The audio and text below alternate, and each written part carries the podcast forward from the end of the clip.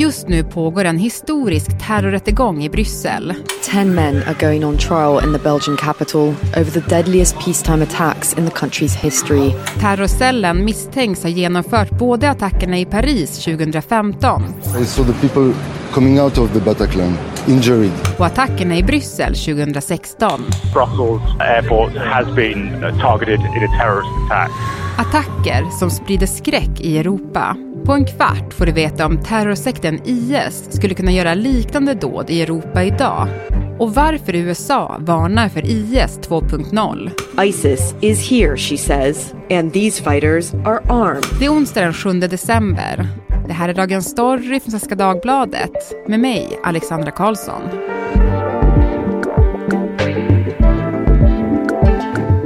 Teresa Kirchler, Europakorrespondent på Svenska Dagbladet, boendes i Bryssel och Bitte Hammargren, frilansjournalist och Mellanöstern-analytiker. Hej på er! God morgon. Hej Alexandra och Teresa. Du, jag tänkte vi skulle börja hos dig Teresa. Eh, nu pågår ju rättegången mot en terrorcell som misstänks för terrorattacken mot Bryssels Mm. flygplats och eh, tunnelbanan 2016. Mm. Och du Teresa, du befann dig ju på flygplatsen den där dagen. Kan du ta oss tillbaka dit? Ja, men det stämmer, jag skulle flyga till Sverige och det var tidigt på morgonen. Och eh, jag hörde, jag hade precis fått mitt boardingkort och så hörde jag en, en första smäll och så började folk eh, liksom yra om vad, vad, vad står på, vad står på. Och sen så kom det en, en stor smäll väldigt nära mig. Och då började jag springa och precis som alla andra så var det bara ren skräck. Jag minns att hjärtat slog så hårt så jag trodde hela bröstet skulle sprängas i, i bitar och sådär. Eh, och sen så var det några dagar, alltså först var vi ju liksom inne i flygplatsen ganska länge innan man kunde ta sig ut och bli evakuerad. Så det var en hel dag med, det var kallt och ruggigt och alla var rädda och det var barn som var rädda och massa föräldrar som försökte liksom leka med dem och bete sig som vanligt och det var så. Det var nästan det värsta att se hur, hur man, föräldrar liksom verkligen försöker att lugna sina barn. Och så. Eh, men sen var det ju flera dagar efteråt som hela Bryssel var fullkomligt lamslaget. Inte bara vi som hade varit med. Bryssel är liksom litet. Det, det är som Sverige, Belgien, 10 miljoner invånare. Alla kände någon som kände någon som kanske skulle tagit den där tunnelbanan på morgonen, den som sprängdes. Men eh, blev kvar för att skulle kolla om de stängt av strykjärnet eller kaffebryggaren. Du vet, de, här, de här vanliga historierna som ofta dyker upp när det har hänt något. Framförallt det blev, det blev så tomt och, och sorgligt direkt. Hela staden tömdes, på, gatorna var jättetomma. Bryssel lever på sina kongresser och toppmöten och sånt där och det kom ju inte en kotte. Så att staden liksom började gå på knäna ekonomiskt väldigt fort. Det fanns liksom, det fanns ingen glädje alls där under så lång tid. Så jag minns det liksom med väldigt tungt hjärta, inte bara själva händelsen och, och, och jag fick så här posttraumatisk stresssyndrom och sånt där efter. Men jag minns nästan med ännu större, starkare i minnet är den här sorgen jag kände över Belgien. Som jag insåg då att det var ett land jag hade liksom adopterat och, och börjat gilla så mycket att det gick så dåligt för Belgien. Mm. Hur skulle du säga att Belgien och Bryssel förändrades efter attacken? Hur märkte man av det? Man märkte direkt att det blev större militär och polisiär närvaro i gatubilden. Och mycket värnpliktiga som sattes in att, att bevaka nedgångar till tunnelbanan och sånt där. En medvetenhet om att ja, men det kan hända något hos oss också. Finns det någon rädsla för terrordåd idag i Bryssel, skulle du säga? Den här veckan så har ju då en enorm rättegång inletts här i Bryssel mot de kvarvarande tio stycken män då som man tror var delaktiga och, och i sprängningarna här i Bryssel. Och det är, till mångt och mycket så är det exakt samma personer som man tror var delaktiga i attentaten i Paris. Skräcken som har funnits i Bryssel i de här åren och för mig personligen också har varit att om det skulle vara så att de inte lyckats ta alla, om det skulle finnas kvar eh, liksom medlemmar ur den här terrorgruppen som ligger och trycker gömda i lägenheter någonstans eller källare någonstans. Ehm, så jag hoppas att den här rättegången nu, att, att, att man får reda på mer, att man lyckas pressa de åtalade på information om det finns folk kvar. Så att jag vågar att känna mig säker. Klockan är strax före åtta på morgonen den 22 mars 2016.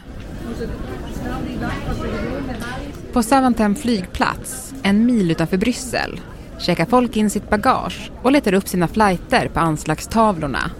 Det är som vilken morgon som helst. Tre män kommer gåendes i vänthallen. De rullar varsin bagagevagn med väskor på. De ser ut som vilka resenärer som helst. Men i väskorna finns inte något vanligt bagage, utan bomber. Två av männen går fram till varsin incheckningsdisk och detonerar bomberna. Sen blir allt kaos. En dryg timme senare så smäller det igen. During rush hour, designed to cause maximum loss of life. Den här gången inne i tunnelbanan i centrala Bryssel. 32 människor dödas och över 200 skadas. Och Belgien blir ett land i sorg. Chaos on the streets of Paris tonight, gunfire ringing out, and simultaneous reports of an explosion.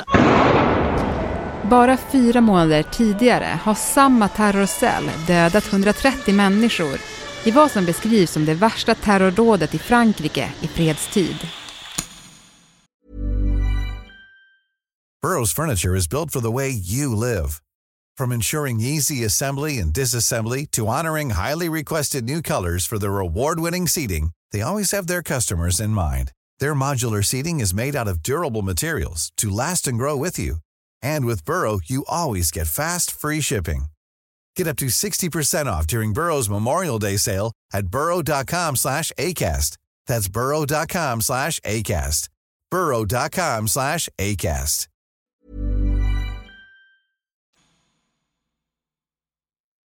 Bitte, eh, nu har det ju gått sex år sedan terrorattacken i, i Bryssel. Alltså, hur starka var IS där 2015-2016, skulle du säga?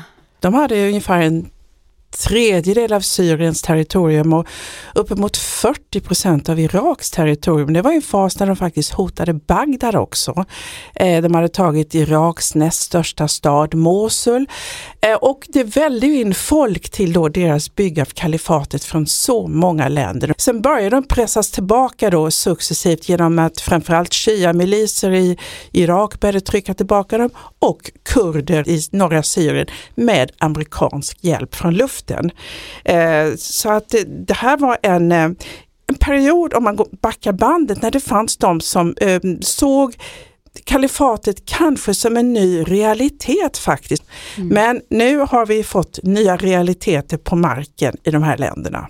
Mm. I alla fall just nu. Ja, men för vad har hänt med IS sedan dess? Ja, alltså när de förlorade Mosul eh, först i Irak så var det då en stor symbolisk eh, seger eh, och som, så småningom så förlorade de ju successivt mark även i då norra Syrien, Meraka som var deras huvudstad.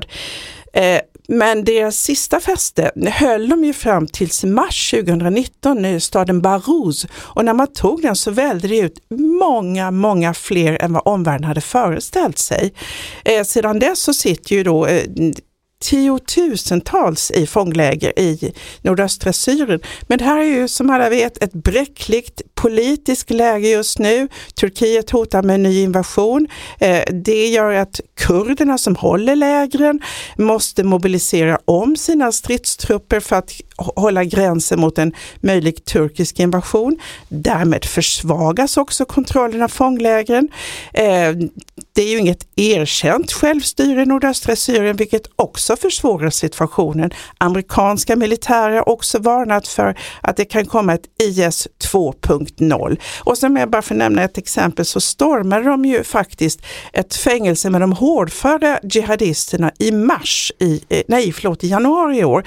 Det var strider som pågick i mer än en vecka. Det var flera hundra som flydde därifrån här, den här kampen är inte över. Får jag lägga till där också att eh, en av de frågor som dyker upp och kommer att höras i den här rättegången i Bryssel, det är ju just vilka eventuella människor som ger order fortfarande från Syrien, om det finns några. Det som var det som var udda med den här terrorcellen, till skillnad från tidigare terrorceller som har varit verksamma i Frankrike till exempel, det var att samlingspunkten, knutpunkten för dem alla var IS i Syrien. Order ska ha givits från Syrien. Så att en fråga som ofta dyker upp i belgiska medier, det är ju såklart, vad, vad vet vi om vad som händer i Syrien? Ja, men vad händer i Syrien då, Bitte? För du sa det där, IS 2.0, låter ju jätteläskigt. Mm.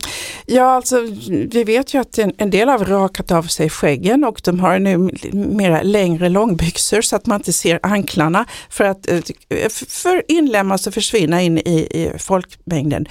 Men om Turkiet gör verklighet av sitt invasionshot och då tränger de syrisk-kurdiska eh, enheterna längre söderut, in, djupare in i arabiska områden, så finns det latenta konfliktytor där. För i en del av de arabiskdominerade områden som de kontrollerar så finns det naturligtvis sådana som eh, under radarn eh, delar fortfarande IS ideologi.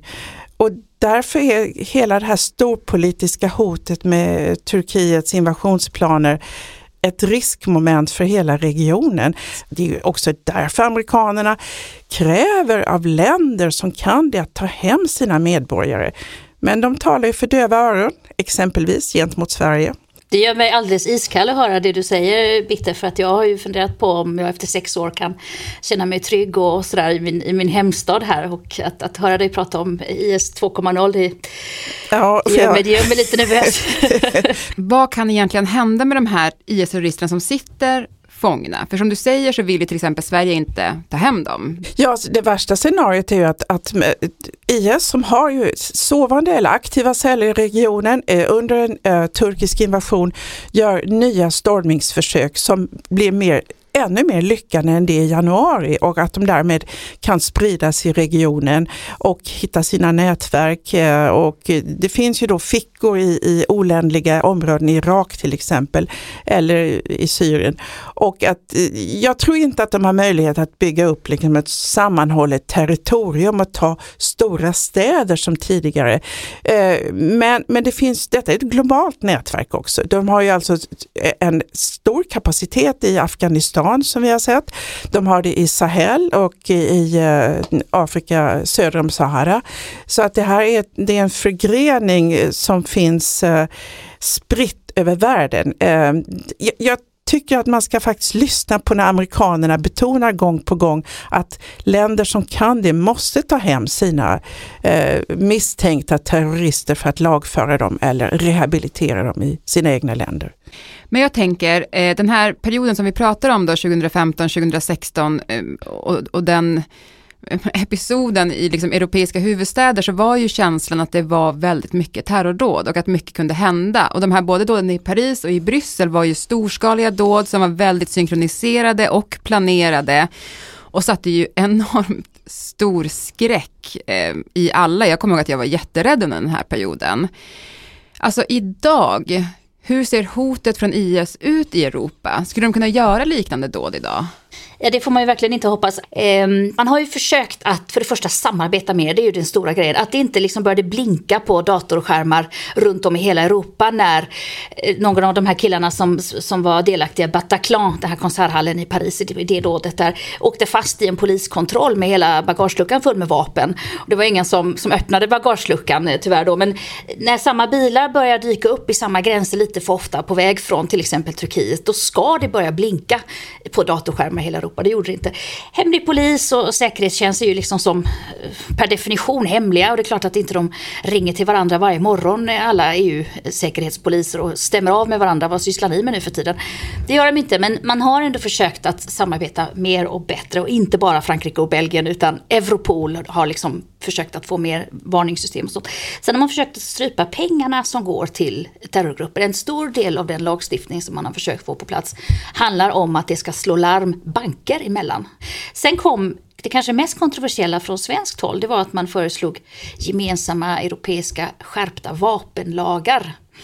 Det är, det är för mycket vapen i omlopp i, i Europa, framförallt eh, vapen som är liksom halvautomatiska och helautomatiska som, eh, som är lagliga eh, för vissa personer då, om det kan vara människor som tillhör vad vet jag, skyttelag eller jaktlag. Eller så. För Sverige kommer ju alltid frågan om att vi har så mycket jägare i Sverige. Så där kom det ett stort motstånd, både Sverige och Finland framförallt, eh, med skärpta vapenlagar. Men det var nog väldigt, alltså det är svårt för Sverige att argumentera att vi måste hjälpa våra jägare inför en fransk inrikesminister som säger att ja men vi har precis haft en galning som sköt ihjäl 130 personer på ett diskotek här för att han kunde få fatt på eh, lagliga halvautomatiska vapen. Alltså argumentationen vinner man väldigt lätt i Frankrike om man säger så. Ehm, så där fortsätter man fortfarande att bråka om nya vapenlagar men det är liksom exempel på vad man har försökt göra. Och sen det allra första man gör det är ju faktiskt att stänga gränser. Det är ju den ryggmärgsreflexen som finns. Mm. Vad tror du Bitte? Kommer vi se sådana här storskaliga attacker gjorda av IS i Europa? Ja, må Gud förbjuda att vi inte kommer se det. Jag tror att, som Teresa säger, alltså det ökade samarbetet och den större beredskapen kommer försvåra ehm, eh, de storskaliga attackerna. Det kan ju fortfarande vara lättare för att ensamvargsaktörerna att passera under radarn. Men vi har ju också en skärpt terroristlagstiftning i Sverige nu som ju förbjuder eh, resande till terroristområden, eh, samröre, som ger säkerhetstjänster större, större möjligheter att förhindra detta. Eh, men alltså, helt eh, fritt från eh, terrordåd, det, det en sån miljö kommer vi ju inte att leva i. Till sist Bitter då, alltså om man vill hålla koll eh, på det som händer framåt, då tycker du att man ska kolla mot Turkiet och vad som kommer hända? Där. Ja, det är ju naturligtvis en faktor man ska titta på, men man ska också titta på alltså Irak som är ett sånt instabilt land som vi inte får glömma bort. Där finns så mycket djupa motsättningar. Jag tycker också att man måste titta på frågor i Afrika för att IS gynnas i en miljö där det finns ökad fattigdom, där det finns klimatflyktingar. Där kan de också rekrytera. Jag tror att om man har en utrikespolitik som blir helt inriktad på bara Europa och våra enorma säkerhetsproblem i Europa efter Rysslands anfallskrig så kan vi hamna i bakvattnet. Man måste fortfarande ha blick lite längre ut i världen. Mm. Tack så jättemycket Bitte och Teresa för att ni var med i Dagens Story. Tack själv. Tack, Tack för att vi fick komma. Burrows furniture is built for the way you live. From ensuring easy assembly and disassembly to honoring highly requested new colors for their award-winning seating, they always have their customers in mind. Their modular seating is made out of durable materials to last and grow with you. And with Burrow, you always get fast, free shipping. Get up to 60% off during Burrow's Memorial Day sale at burrow.com slash ACAST. That's burrow.com slash ACAST. burrow.com slash ACAST.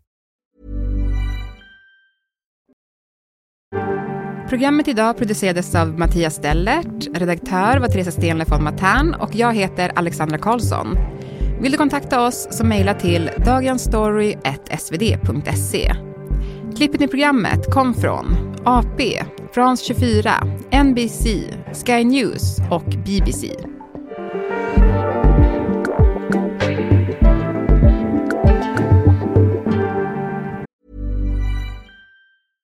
Cool fact a crocodile can't stick out its tongue. Also, you can get health insurance for a month or just under a year in some states. United Healthcare short term insurance plans, underwritten by Golden Rule Insurance Company, offer flexible, budget friendly coverage for you. Learn more at uh1.com.